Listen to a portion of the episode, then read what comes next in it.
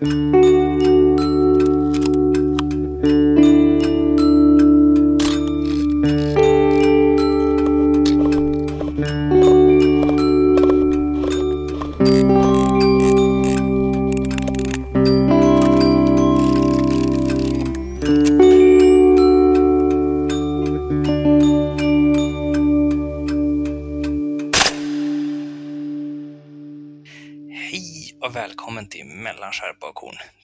podcast om analogfoto i tiden.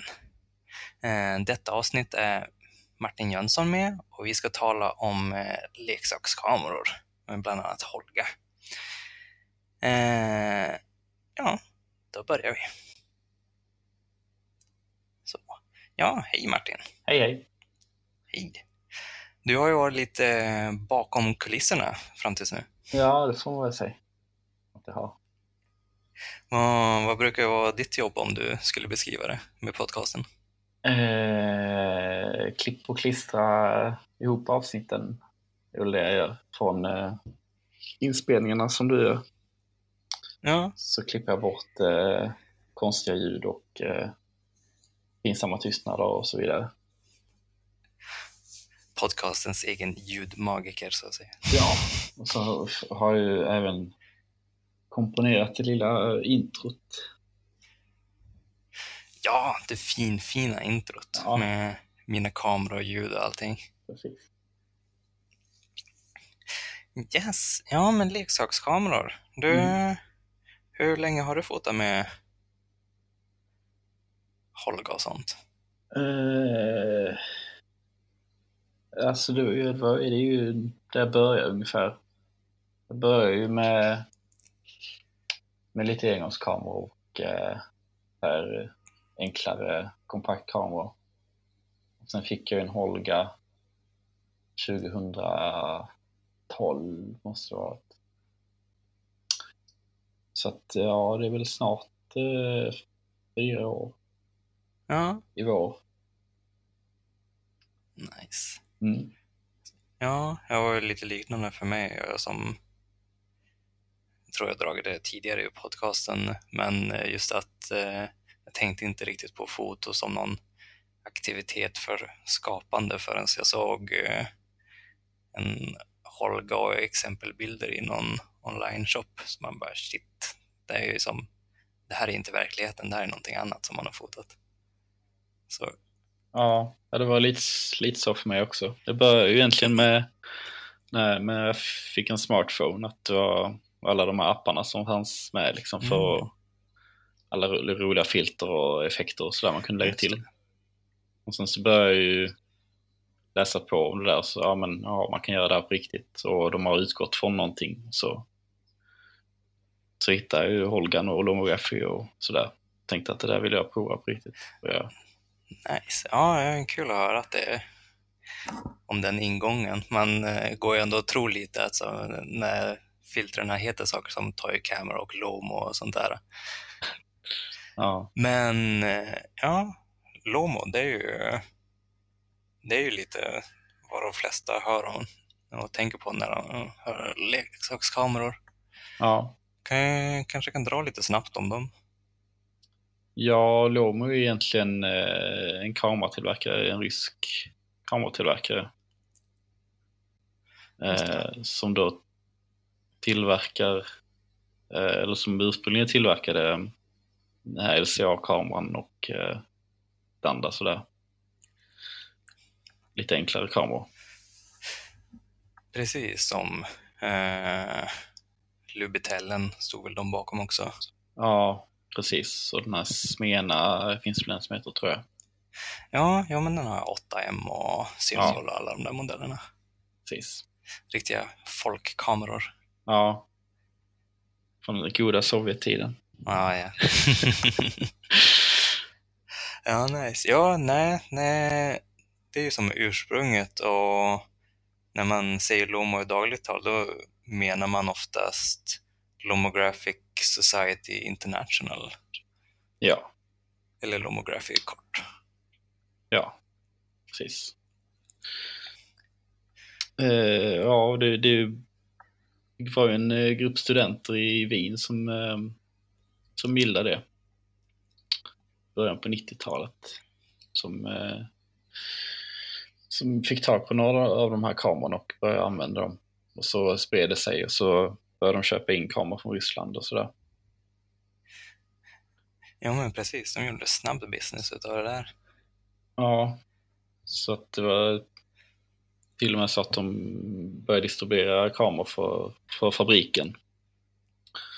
Och sen så när, eh, när Sovjetunionen föll då och de gick över till eh, planekonomi heter det va? Ja, just det. Ja. Så, där de började importera kameror utifrån då. Så att då var det inte lönsamt att tillverka den här kameran längre. Mm. Men de eh, lyckades få till en deal eh, på något sätt där och Putin var inblandad på ett hörn också. Att, ja, men vi, vi får fortsätta med de här kamerorna för att det finns en, en marknad för dem. Shit, det är ändå coolt. Ja, Några typ nykläckta studenter som hittar en kamera och så sen Rysslands ledare involverad hela tiden. ja så liksom över till... Ja, ja det, var, det är en rätt häftig historia. Så finns en eh, dokumentär fr- från BBC som ligger uppe på Youtube. Som man kan... Eh, Ja, just Kika på. Det finns ju den också. Nej, man behöver inte bara gå på Lomografis egna guldskimrande regnbågar. nej, den är ju väl eh, tio år gammal i alla fall, den dokumentären. Men den, den drar ju ändå historien så Ja. ganska bra. Nice. Ja, och Lom... De, de, efter ett tag så började de ju tillverka eh, egna kameror och etablera det här um, tänkandet eller vad man ska säga. Just det. Ja, de började tillverka uh, egna kameror i Kina med liksom, eget, under egen regi så att säga. Precis, och etablera de här eh, reglerna, eller kodexen eller vad de kallar det. Ja, ja det var ju ganska tidigt de, eh, när de grundade själva, själva organisationen, om man ska kalla det. Ja, Okej, ja, det var med från början. Så det var ju rätt tidigt. Då, eh, just det, så var det så att om man eh, liksom inträdeskostnaden var att för, för att vara med så köpte man en LCA-kamera av dem. Så var man med i, i Society. Liksom. Ja, nice. Så vet jag inte om man fick med den här reglerna också. Ja, så kan du dra dem lite kort? Det är tio stycken eh, som är... Ja, det, det, det är lite olika beroende på vad man kollar, men grundprinciperna är ju att man ska ta med kameran överallt dag och natt. ehm, att den ska vara en del av ens liv. Att man ska skjuta från höften och ta bilder på allt man ser. Eh, och inte, inte tänka ehm, ja, experimentera. Och sen så sista regeln är att man ska bryta alla regler. Så att det är lite motsägelsefullt. Så. ja, precis. Det är mer som kör på och hänge sig åt hela. Ja, men alltså gr- grundprincipen är ju don't think, just shoot. Ja, jo men den har man ju hört. Ja. Shoot from the hip som eh, många försöker ta efter. Det är eh, till och med sett i, mm, eh, vad heter han, Göran Segerholm, han som kör en bildradion och han har ju gjort eh, några böcker på eh, fotojournalistik, såna Mhm. guider och sånt. Och där har jag med som tips att ja, tänk att du behöver som inte hålla dig till reglerna utan du kan köra en Lomo också, bara fota från höften. Ibland blir det riktigt bra att få till det snyggt. Ja. Så jag lirkar in sig överallt. ja, jag har provat några gånger. Det är ju sådär. Jo, Det beror på vad det är också. jo nej men desto mer man använder en kamera desto mer van blir man att som se framför sig vad, vad som kommer fångas på bild. Ja, Eh, eh, kan inte komma ihåg riktigt eh, när jag kollade igenom min Holga-sökare senast, utan det var ju det är som håll upp kameran och ditåt, där blir bild. Mm. Ja, de stämmer ju inte jättebra de där sökarna då. Så. Ja, nej. Det är samma på de här ryska Smena-kamerorna. Längst, längst upp i hörnet där är ett litet ekande tomt fönster som visar någonting helt annat än vad som kommer på bild. Ja. Ehm, ja, men innan vi hoppar in på um, Holga så kanske vi ska gå in eh, lite mer bakåt i eh, tiden. Uh, tänker 60-70-tal. Mm. Marknader och reklamutskick och presenter i staterna och sånt där. Just det. Diana-kameran Ja, och alla dess avarter. just det. Den, den var ju som en... Den var som en billig och poppis eh, present att eh, skicka med till kunder. Och man, eh, de tillverkar den i Kina, Great Wall Factory. Eh, så de lät ju företag sätta sina egna namn på dem. Mm. Så att det var som en bra ploj. Eh, och så såldes av andra eh, på marknader eller användes som priser Ja. till olika spel och sånt. Men eh, ja, det där fick ju lite fotfäste. En del fotografer som eh, började använda den mer seriöst för bildskapande. Mm. Den första Dianan kallades, eh, kallas ju numera som 151. Mhm. Den eh, som original Diana. Eh, för att det, det står någonstans på kameran och eh, det är som det man har särskiljer den från de nya som görs utav eh, Lomography. Mhm. Så ja, jag är förresten mycket glad för den jag fick av dig faktiskt. Ja.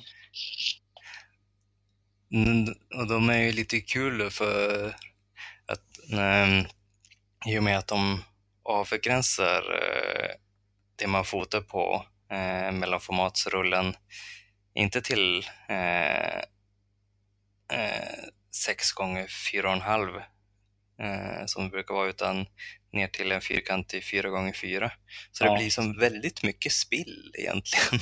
ja, det blir det. Jag, jag var upp och nere. Liksom.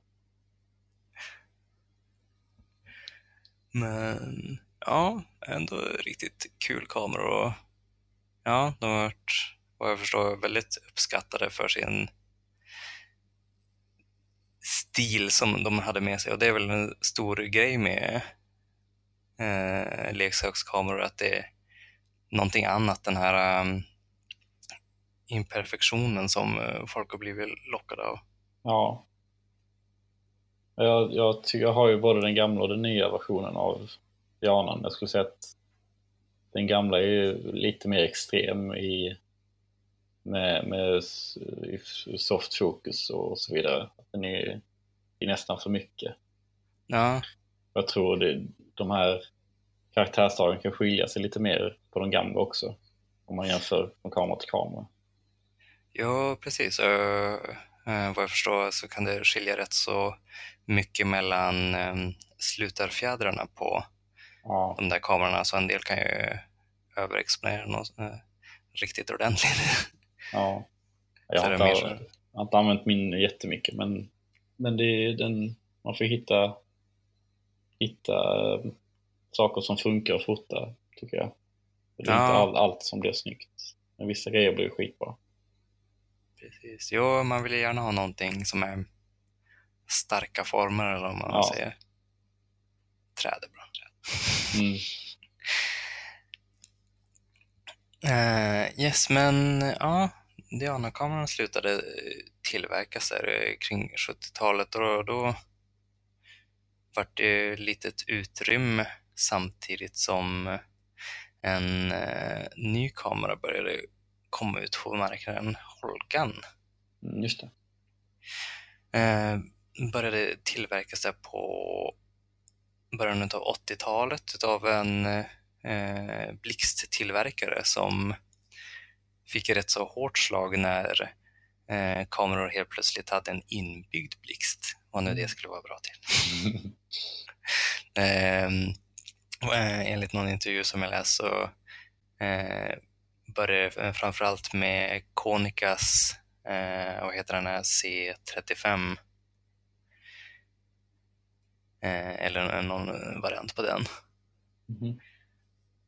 Då var det som alla köpte den och eh, alla andra kameratillverkare kopierade den. Så då var det som ingen som köpte en separat blixt längre i princip. I, Mhm. i alla fall inte i, i samma mängder längre. Nej.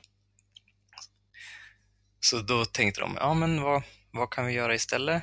En, ja, ja, men en enkel kamera. Vi kan inte riktigt fin mekanik. Vi har lite, eh, kunnat löda ihop komponenter, har vi väl.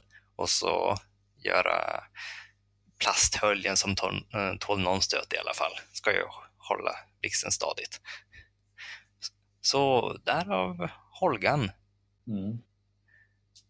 Eh, går lite isär beroende på vart man eh, läser eh, intervjuer med den här TM Lee som eh, stod bakom kameran att eh, den antingen skulle varit en ren som folkkamera eh, inom Kina eller mer eh, riktad mot eh, bröllopsfoto och sådana där grejer på ett enkelt sätt. Mm.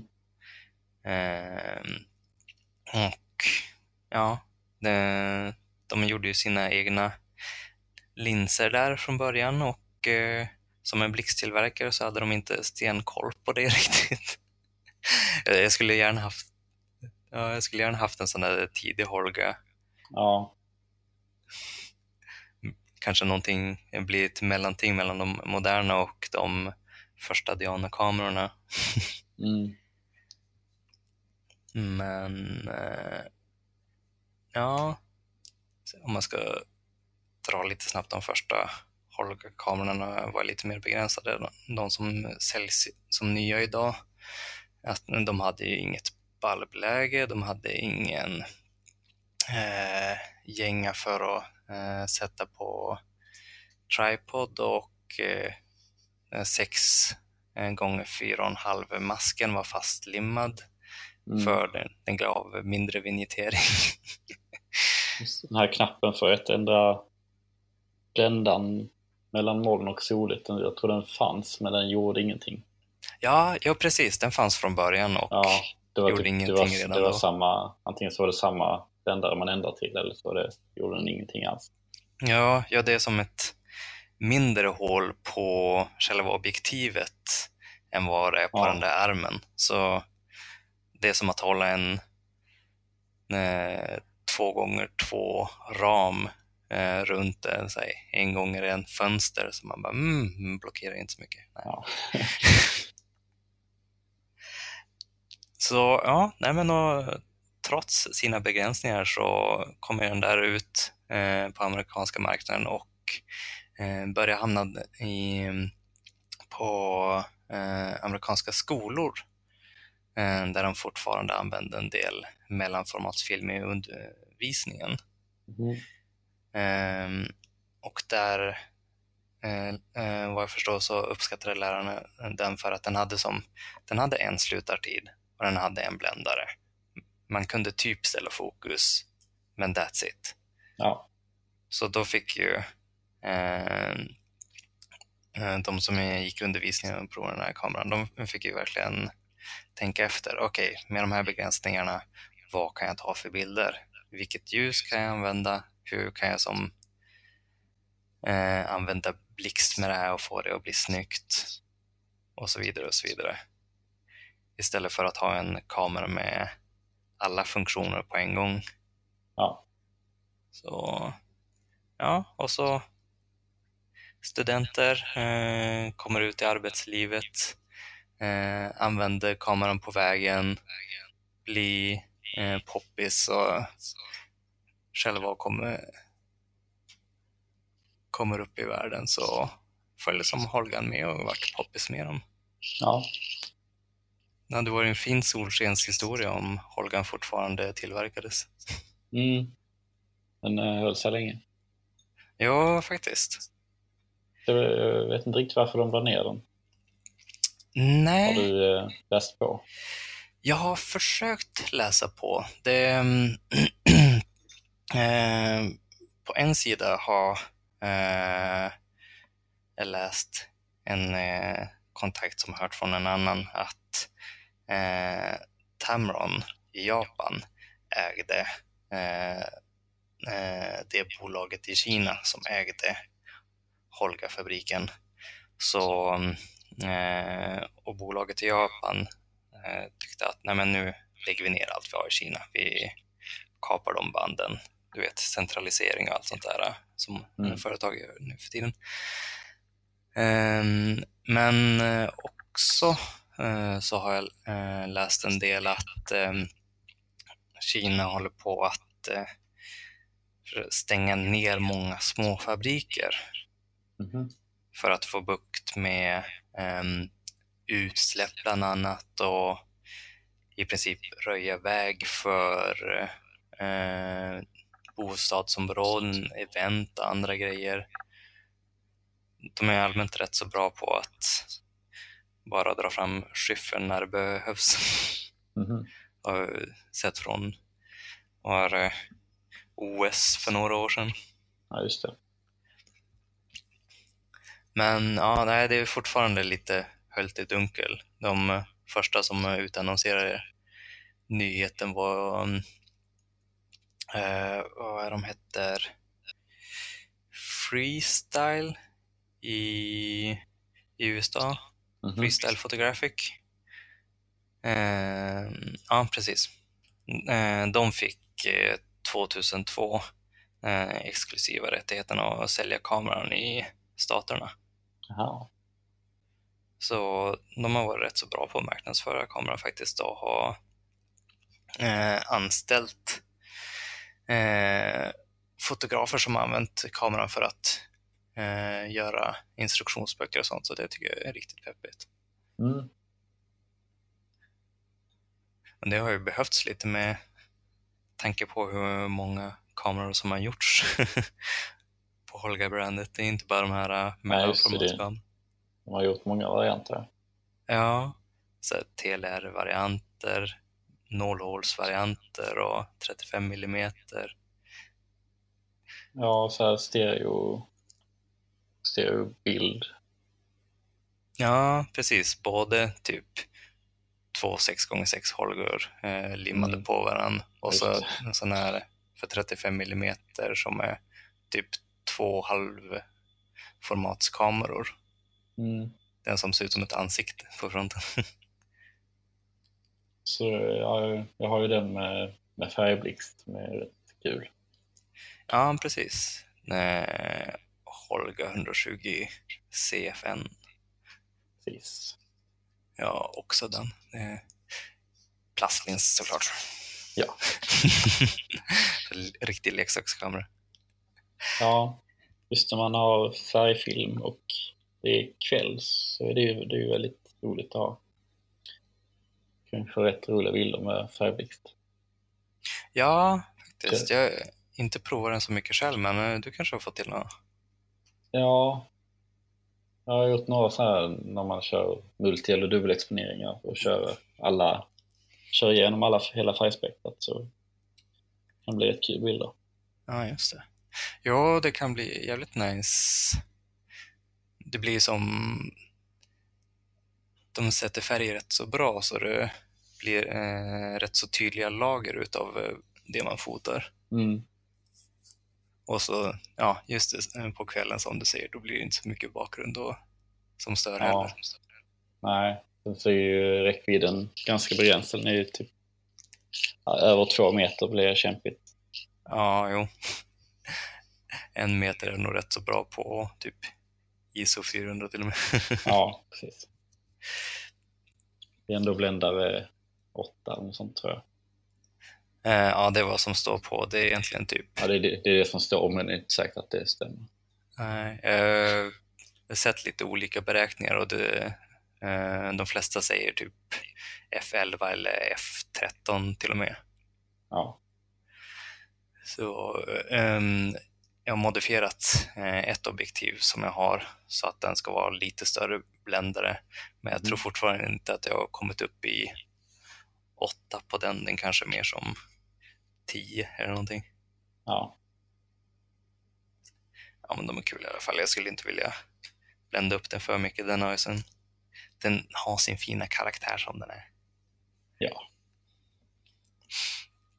Mm. Ja, men många Holga-kameror. Finns det många leksakskameror allmänt också? Ja, alltså en Lomo-kamera kan ju vara nästan vilken kamera som helst egentligen. Som kan falla under in i kategorin. Man ska, man ska se det så, vilken typ av enkel plastkamera som helst kan ju Ja. princip funka. Precis, ursprungsbegreppet så som jag ser det, det är lite att är ja, lite som Diana, det är en novelty-grej. Ja. Den, är, den är inte gjord för att ta bra bilder, den är gjord för att den kan ta bilder. Och så Ja. kul att leka med. Så lite som eh, ja, eh, det brukade finnas eh, eh, kameror som följde med Barbie-dockor som det var som en Barbie-docka på framsidan. Blev ungefär samma bilder som en engångskamera. Ja. Men så enklare, enklare eller äldre kompaktkameror och sånt tycker jag också funkar. Alltså så gamla 60-50-tals billiga. De har ungefär samma möjligheter som en Holga. Ja, Det är en, Precis. en slutartid och två bländare. Sen så är det det som finns. ja och lådkameror och sånt där från ännu tidigare. Ja, precis. Ja, då är det verkligen att jobba med begränsningarna. En, en del är ju lite för korrigerade så att det blir som för skarpa bilder. Ja, det blir, det, blir, det blir för bra helt enkelt. Jo. Och det, det tycker jag ofta är problemet med mm, 35 mm eh, eh, kamerorna. Mm. Att det blir för mycket skärpedjup. Ja, Så, och inte för kass lins så allting blir skarpt. ja. jag vill ha den här oskärpan. Det är viktigt. ja, man får modda den lite kanske. Ja, men eh, se, jag har ju lite andra leksakskameror. Um, bland annat en som också har gått den här vägen att eh, agera presentkamera. Eh, det är en kopia på Vivitar Ultrawide Slim. Mhm. Väldigt platt. Man skulle kunna tro att det är som en engångskamera eller någonting sånt där utan blixt. Eh, Men den har en eh, rätt så trevlig eh, 22 mm eh, lins på sig. Mhm. Det blir rätt så vidvinkliga bilder om man säger så. Ja, bildgoogla lite snabbt. Den ser, ser kul ut. Ja, och eh, den slutade också tillverkas av Vivitar där eh, efter ett tag och då köpte ett företag som heter eh, Power Shovel upp tillverkningen. Mhm. Eh, och eh, Power Shovel eh, har under sig då ett brand som heter Superheads som man kan se på kamerorna. Eh, och då gör de som massa olika färgvarianter på den här kameran som, eh, som de kallade Black Slim Devil och eh, Angel och det finns nog mer så här Patrushka ansikte på en massa olika fan hans moster. Mm. Mm. Så, men jag tror inte att de tillverkas nya fortfarande. Men det finns ändå så pass många i omlopp så om man kollar på eh, olika online-shoppar så finns det många som har kvar i lager. Kanske inte på Ebay lika mycket. Okej. Men det är ett tips. Det är en kamera som jag ofta haft i eh, bröstfickan på någon så här vårjacka. Bara för att den är så liten så den går ner nästan var som, var som helst. Ja, det är praktiskt med kameror man kan få plats med i, i jackfickan eller sådär. Ja. Mm, se, men annars om man eh, ska snacka om de här Power Shovel. De har gjort eh, bland annat en eh, TLR-kamera, alltså en tvålinsig som Rolleiflex, Mm. kallad Blackbird Fly. Den, den verkade väldigt schysst faktiskt. Den, eh, man, den hade väldigt många masker i sig så att man kunde antingen fota så här vanlig 24 till 36 eh, millimeter bild Mhm. eh, eller köra fyrkantiga bilder eller fyrkantiga och fota över perforeringen och allt sånt där. Så de, de eh, fyllde verkligen en eh, nisch med sina olika kameror som de eh, tillverkade. Ja, För, för det varit rätt så poppis med leksakskameror i Japan där ett tag vad jag förstår. Speciellt efter eh, åren efter 2000. okej. Ja, Lomo gör ju film också, företaget. Ja, just det. Det är ju inte bara kameror numera. Det har ju mycket film i sitt sortiment också. Men det är väl inte de som gör film, de paketerar väl om och så vidare. Jo, precis. Eh, nej, de var ju riktigt bra vattenhål eh, förr för att få tag på eh, film som inte tillverkades längre. Eh, de eh, Mm. var bra på att köpa upp restlager så man Ja. kun, kunde få tag på så här, udda konika-rullar och sådana grejer. Ja, jag har hört att så här, de- deras så här, 100 ISO 100 färgfilmer är typ Kodak Gold och sådär som de köpt upp. Ja, precis. Och lite Och så- sådär. Och så med de här um, specialfilmerna som de har gjort. Uh, eh, vad heter de? Purple Chrome. Och sådana grejer så det blir helt eh, lila bilder och, Just det. och någon motsvarande fast det blir cyanfärgat istället. Mm. Och fär, färdigvända så att det blir som, eh, ja, som när man rullar en film bak och fram och det blir red scale. Just det. Ja, de säljer, säljer färdig vänd film så att säga. Ja. Ja men det är rätt nice. Det Mm. blir som jävligt många uttryck. Ja, det är ju... De uppmuntrar ju till eh, experiment så att säga. Ja. Det är ju ändå något som lockade mig väldigt med just filmfoto och att man kan leka med um, formatet på ett sånt sätt och Ja, hur man exponerar. På, på en digital kamera, det är som sensorn är ju fast. Man kan inte Mm. göra så mycket med det. Man kan påverka utifrån på olika sätt. Men med film då kan man ju faktiskt man kan ju böja filmen, man kan hetta upp den. Ja, du har ju provat på lite sån här filmsup va? Ja, lite lätt. Jag har inte riktigt kommit så långt i det. Jag har provat lite att bada i eh, tvättmedel och sådär. Ja, Men jag har inte fått...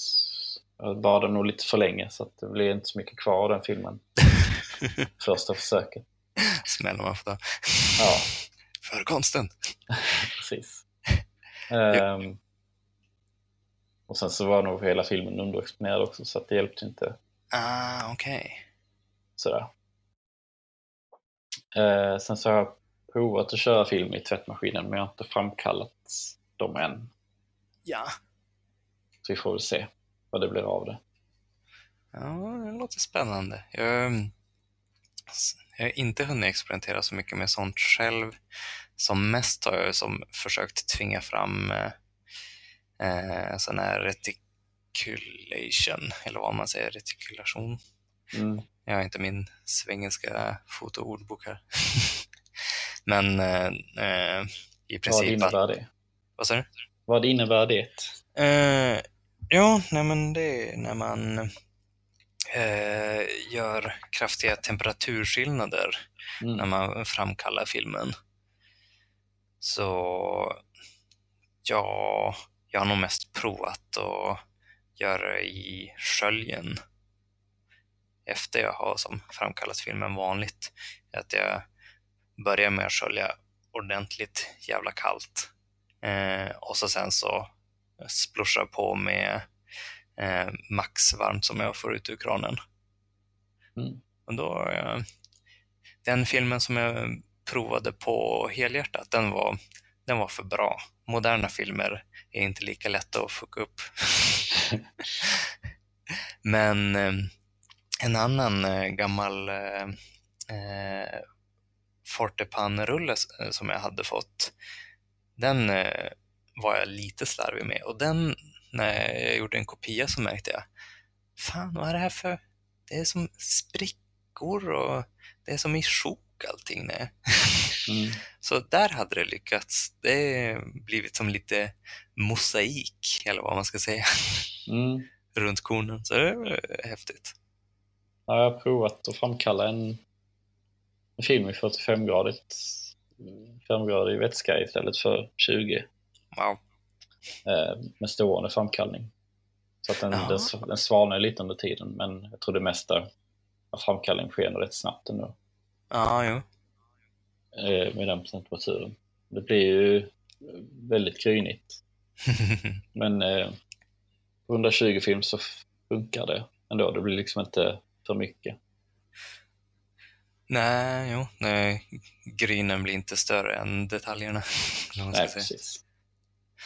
Så att det var ju ändå... Man såg ändå vad det föreställde sådär. Nice. Men det är inte det, det bästa om man ska få ut eh, alla, vad säger man, gråskala och så vidare. Ja, nej, allmänt. allmänt så här superpusha-film, framförallt med hög temperatur, kan ju dra upp kontrast och korn som du säger rätt så bra. Mm. Jag har också velat prova som hitta en lite alternativ stil när, för när jag skulle vilja ha det och vara hård framkalla. Eh, så här, ja, men dra ner så ja, på någon så här 30-40 grader som du säger och eh, framkalla en rulle på typ två minuter. Mm. Så här D76 stock bara. Ja, ja, det- man har ju lite mer möjligheter på något sätt med film. När, vad det gäller det att hitta något eget, tycker jag. Alltså Ja. att man hittar någon, något unikt och ett unikt utseende. Ja, genom att precis. experimentera och ja, störa sin film egentligen. Precis, jo man kan ju som... Det finns ju bra eh, instruktioner på hur man bör framkalla och exponera eh, filmen och allt sånt där. Mm. Men just att man kan dra det så mycket åt ena eller andra hållet och fortfarande få bilder, det är ju fascinerande. Ja, och så är det ju allt det där överraskningsmomentet också som är väldigt spännande. Att Ja, man, man får ett resultat man, man kan inte göra så mycket för att ändra det sen. Vilket, och så, ja. och så står man där och kämpar och bara, "Ja, igen. ja, och så tänker man fan också, jag ska, inte, ska aldrig göra om det här. Så står man där en vecka senare och försöker igen. Ja, precis. Och det, och det går ju det går ju att photoshoppa antagligen de flesta resultat man får, men jag tycker inte det är samma sak. För där kan man ju man kan ändra sig. Och, ja, men det där blir lite mycket, jag provar det här istället. Ja, precis. Då går man ju som eh, mycket på sina bilder som man redan har i huvudet Ja, och tänker, ja men så här borde det se ut eller så här vill jag se ut. precis. Eh, när man fuckar upp någonting i framkallningen, då blir, kan det ju verkligen bli som man aldrig hade tänkt sig. Ja. Så det, är- ja, jag gillar det överraskningsmomentet som alltid finns där. Ja, och jag ska snacka lite mer om eh, leksakskameror. Mm. hur man använder dem och sånt. jag måste ju säga att jag är, en, en riktig fan utav alla slags eh, leksakskameror som har någon slags karaktär från objektivet. Att det är kass på något sätt, Ja, i princip. Eh, men också att, ehm, eh, att den har bulbläge. mm. För eh, då kan jag tycka om att som kör riktigt långa exponeringar och få till några extra or, rörelse och sådana där saker och så slänga in någon blixt så man får någonting skarpt i bild också. Ja, Sådana där grejer. ja, ja, det, ja, det finns. De är ju väldigt begränsande, men är man lite kreativ så kan man få ut väldigt mycket av dem. Ja. Eh, Vi fick ju en ny eh, Holga i julklapp här och eh, Mhm. Den var från Lomographic Society så då får man ju med den här eh, boken som de har gjort på ja, typ 200 sidor nästan. Mhm. Eh, det är lite kul att bläddra i faktiskt. Det är ju som folk som höll på i eh, början på 90-talet och verkligen utforska eh, möjligheterna med kameran innan det var så etablerat. Ja, Så det är kul. Och eh, på de tidiga Holga så fanns det ju inte bulbläge så en, ett av tipsen är ja men ta typ 150 exponeringar på kvällskvisten så ska du se att det blir en bild. Så man bara, damn, dedication. och det går ju. Och om man, vad är det, om man, eh, det är ju en eh, 125 dels sekund typ på Holgan. Om man drar den två gånger, då blir det ju en eh, 60 dels sekund typ. Och så om man drar den fyra gånger så blir det en 30 dels sekund typ. ja. Så om man bara fortsätter och fortsätter och fortsätter. Så man kan ju, om, om man känner för det, verkligen beräkna på allt sånt där också. Eller bara köra. Och bli glatt överraskad över vad man får. Mm. För det, det är också en sak som jag kan tycka om med begränsningarna med att man har som en slutartid att jobba med. Och kanske en eller två bländare. Att Ja. det är som, när det är ljust om man tar en bild så blir det ljust på bilden. Och när det blir, eh, är mörkare om man tar en bild så blir det som, bilden blir mörk. när man fotar med en digital kamera, man kan ju fota mitt på dagen och mitt på natten och det blir lika mycket exponerat. Ja, eller en systemkamera. Analog. Alltså, ja, man har ju mer möjlighet att fundera på med blända och rätt exponeringar och sånt. Så men, Precis. men Holger så fokuserar man inte så mycket på kameran i sig. utan Man, man fokuserar mer, kanske mer på att få fram sin bild som man är ute efter. Ja, Och funderar inte så mycket på, ska jag ha bländare 4 eller 8 eller vad har jag för eh, EV-värde här i skuggorna och så vidare. don't think, just shoot. Precis. Ja, ja men precis. Man, man släpper ju verkligen eh, alla måsten.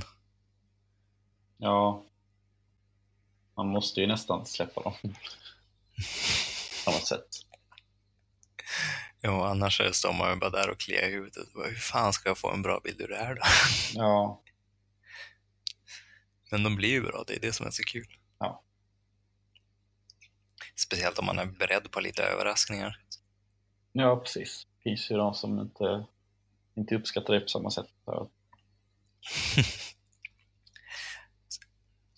Och några fler eh, roliga kameror som jag vill eh, ta upp. Eh, typ om man går mm, kanske på gatorna i New York. mm. Så här, går förbi en gränd eller sådär. Så kan det komma någon kille. Psst! Hej, du! Vill du köpa en kamera? Snorbilligt! Så man bara, ah, ja, va? Vadå? Nej, men jag ska bara gå hit. Bara, nej, nej, nej, alltså det är new inbox. Quality guaranteed. Man bara, ah, okej. Så, och då kan man hamna på en sån här um, Olympia, Canomatic, etc. etc. kamera som den har formen utav en um, eh, DSLR-kamera eller vad man ska säga. Mhm. Fast eh, lite, okej, lite äldre kanske för den har en hammarblixt ofta. alltså ett så här separat handtag med en blixt uppe på. Okej. Eh, och eh, inuti kameran så är det som eh, ofta fixfokus, eh, fixbländare, en bländartid och eh, istället för att det är som en prisma som man kollar igenom så är det en waste level finder i prismahuset. och så allmänt eh, ja, det är så inlagt extra eh, bly i botten av kameran så att den ska kännas som kvalitet. Viktig kvalitet. Det är som modernt under utav leksakskamera. Eh, Jag hörde något avsnitt utav Filmfotografi Podcast där de hade med en kamera i som eh, segment som de kallar Good and Crappy Camera eh, presentation där den var som väldigt crappy kamera. Men, och det var, som var fascinerande var att den hade en eh, steglös eh, motor för framdragning eh, och tillbakadragning utav film. Mhm. Så man kunde i princip trycka framåt och bakåt hur man ville. Fram och tillbaka på filmen så man så blanda lite exponeringar här och där på filmen.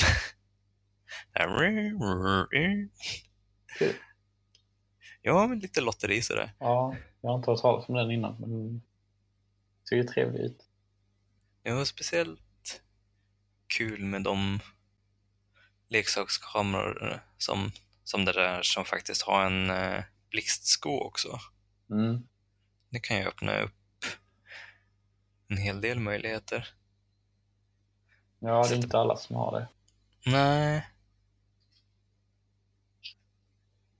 Köra blixtar med färgfilter på och sånt där skoj.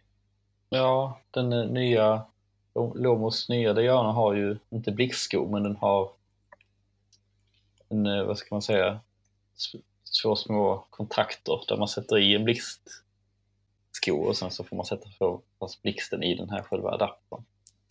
Ja, precis. Jo, så är det ju på eh, Diana Mini-versionen också. Ja, där ser det jävligt kul ut för det är ju blixten större än kameran. ja precis. Ja, det är kul när man monterar på en sån här större proffsblixt och så är blixten lika stor som en toykamera. ja, precis. Jo, det har jag blivit rätt så råd av en, en del amerikaner som så I'm getting into the whole gag thing. Yeah, yeah, I'm using it. Eh, och så kör typ bara i studio, ha Holgan och så fet jävla Yangnu eller Nikon blixt med bouncy flash, vitkort och autoexponeringsgrejer och allt sånt där. Alltså, jag- jag vet inte, där dödade det lite för mig. Så jag tycker det är lite häftigt om man kopplar upp Holger till studioblixtar. Jo, jo det, är, det är coolt, det kan jag hålla med om. Skulle jag eh, vilja prova någon gång. Jag tror jag provade en gång faktiskt. Eh, De som vi har har ju inte någon blicksko, men man kan ju köra på en sån här eh, slavtändare. Ja, precis. För blixten på Argan, den kommer ju inte störa så mycket i själva bilden. Nej. Märks knappt. Ja, har du någon annan favoritleksakskamera som du skulle vilja ha? Nej, inte sådär. Alltså jag, Holgren är ju lite min favorit. Det är ju där jag började på något sätt. Så jag har liksom fastnat för den. Ja, Så det är det jag använder mest. Ja jag har ändå blivit rätt sugen på de här eh, eh, kamerorna som Lomo släppt som använder Instax-film. Mhm. Den lilla och den stora. Vad, mm, vad de heter? Ja, men de heter väl säkert något typ Hey Lomography Instant Camera. Eh,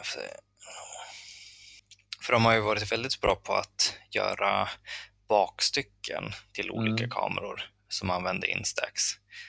Till LCA och till Diana och till den här um, mellanformatskameran. Den tog in Instax Wide. Mhm. Mm. Just det här, Lomo Instant Wide. Kolla det. Vad är det för Ehm. film till dem då? Men det är som Fujis variant av uh, Polaroid 600 film typ, Okej, fast i två olika format. just det. Den ena är stor som Spectra eller Image och den andra är mer som kreditkortsstorlek. Mm. Eh, och Instax-kamerorna är som, de har alltid varit som lätta och eh, i princip full eh, auto, allting här, exponering och ja, fokus så mycket som de fokuserar, oftast fixfokus. Eh, så det är som gjort eh, att eh, Lomography-kamerorna har en liten fördel med att man kan ställa in dem för manuell exponering. Och Då har man kanske eh, ja, en eller två slutartider och eh, flera olika bländare att välja mellan. Så jag har ändå sett rätt så schyssta exponeringar som en del har gjort som har, som har använt den mer och mätt och eh, exponerar själv. Ja, så det ser ut som man kan dubbelexponera enkelt också. Ja, men precis. Det är lite samma som Holgan nu, att det är som den är, inte kopplad till någon frammatning av film, utan det är bara att köra på. Nej, polaroiden spottar ut den. Ah, okej.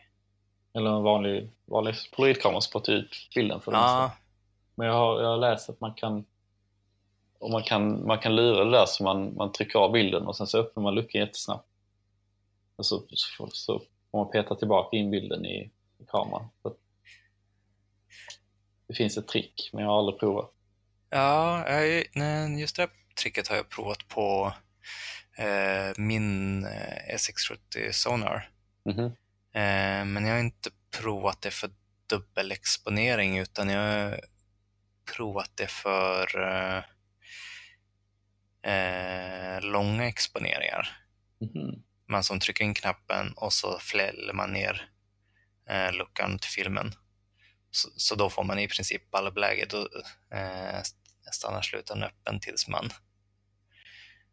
eh, stänger igen luckan igen. Mm.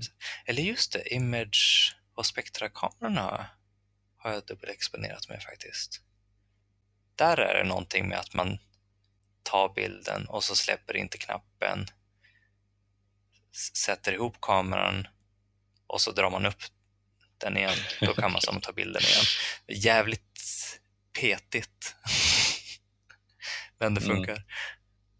Eller ja, ta in, ni som lyssnar, ta inte mitt ord för det. Eh, kolla upp det innan ni gör det. Ja, jag har inte den så att ja, vi kan varna, varna lyssnarna. Mm.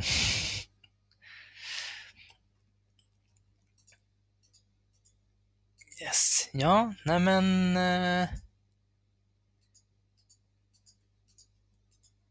Ja, lys- lyssnare ut i vida världen och Sverige framför allt.